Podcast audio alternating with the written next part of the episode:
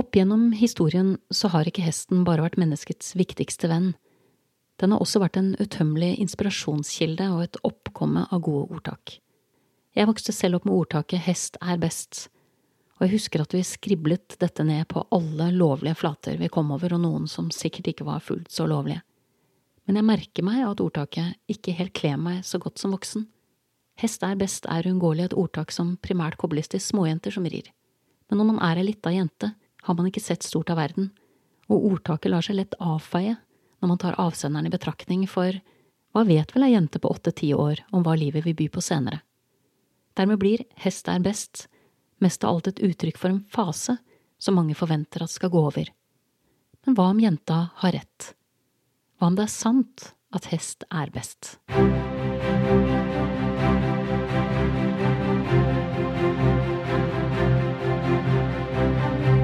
Hjertelig velkommen, mitt navn er Live Bonnevie, og dette er episode 67 fra Hestenes Klan, en podkast om hester og hestefolk.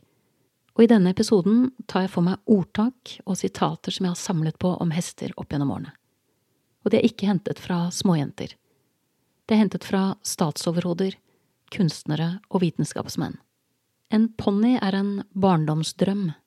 En hest er en voksens skatt, heter det. I våre dager er det jo lett å la seg forlede til å tro at hester primært er en hobby for småjenter, eller kanskje et statussymbol eller tidsfordriv for rike folk. Og vi har noen ordtak med oss fra fortiden som holder denne myten i live. Å sitte på sin høye hest er et uttrykk som stammer fra middelalderen. Det skal opprinnelig ha blitt brukt om riddere i full rustning på ryggen av en stridshest på vei til slagmarken. Ordtaket ble med videre gjennom århundrene til renessansen, og der fikk det en litt annen valør. Uttrykket å ri den store hest ble nok trolig brukt om hester som ble skolert i den høye skolen og ridd av adelen, som igjen har farget uttrykket inn i våre dager. Å sitte på sin høye hest innebærer at man mener man er hevet over fotfolket, noe man rent fysisk også er når man sitter til hest, men det er ikke primært det fysiske det handler om lenger, sånn som tilfellet var da ridderne red krigshesten med full rustning.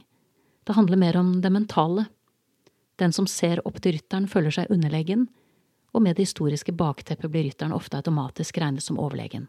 Så å sitte på sin høye hest er med andre ord blitt et negativt ladet begrep, etter å ha vært i berøring med våre adelige forfedre.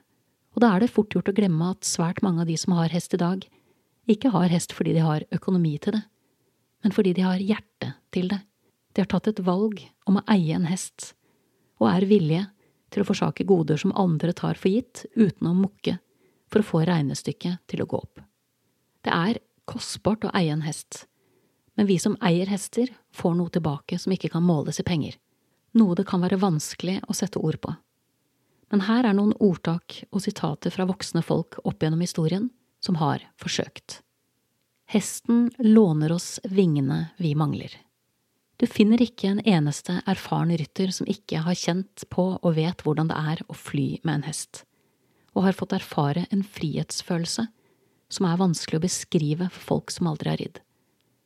Jeg vil gå så langt som å si at denne følelsen bør stå på topp fem på enhver bucketlist, altså en liste over ting å erfare eller oppleve før du dør.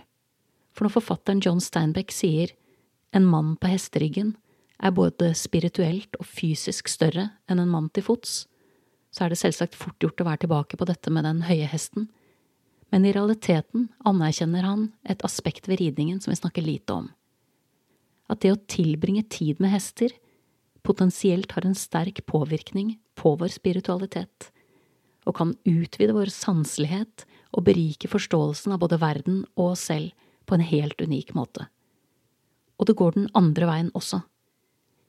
Ingen filosofer forstår oss bedre enn hunder og hester, er et annet kjent sitat fra en annet kjent amerikansk forfatter.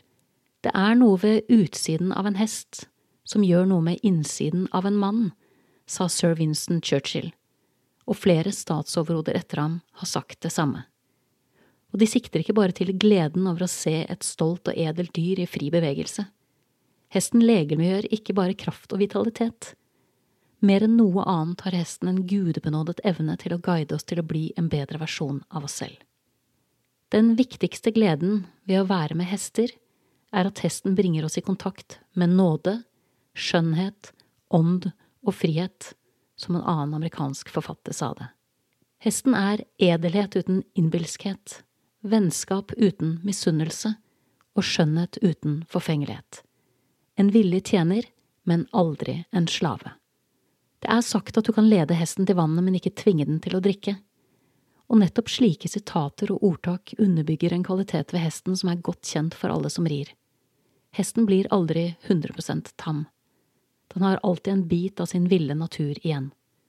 Den kan være dypt begravet, men den er der.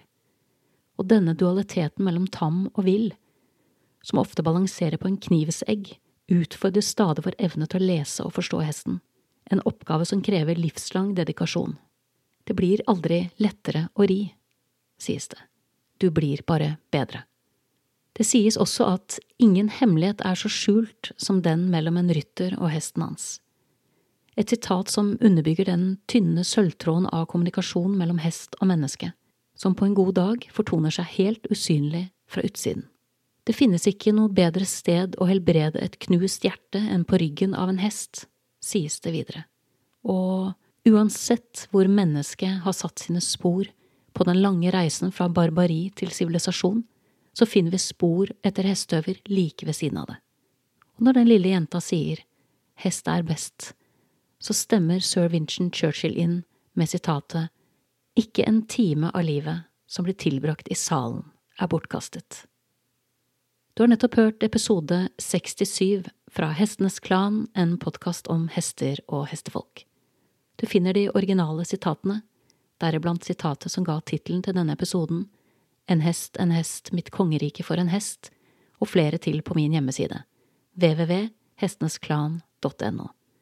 Da gjenstår det bare for meg å takke min faste komponist Fredrik Blom, og sist, men ikke minst vil jeg takke deg, kjære lytter, for tålmodigheten. Måtte hesten for alltid være med deg.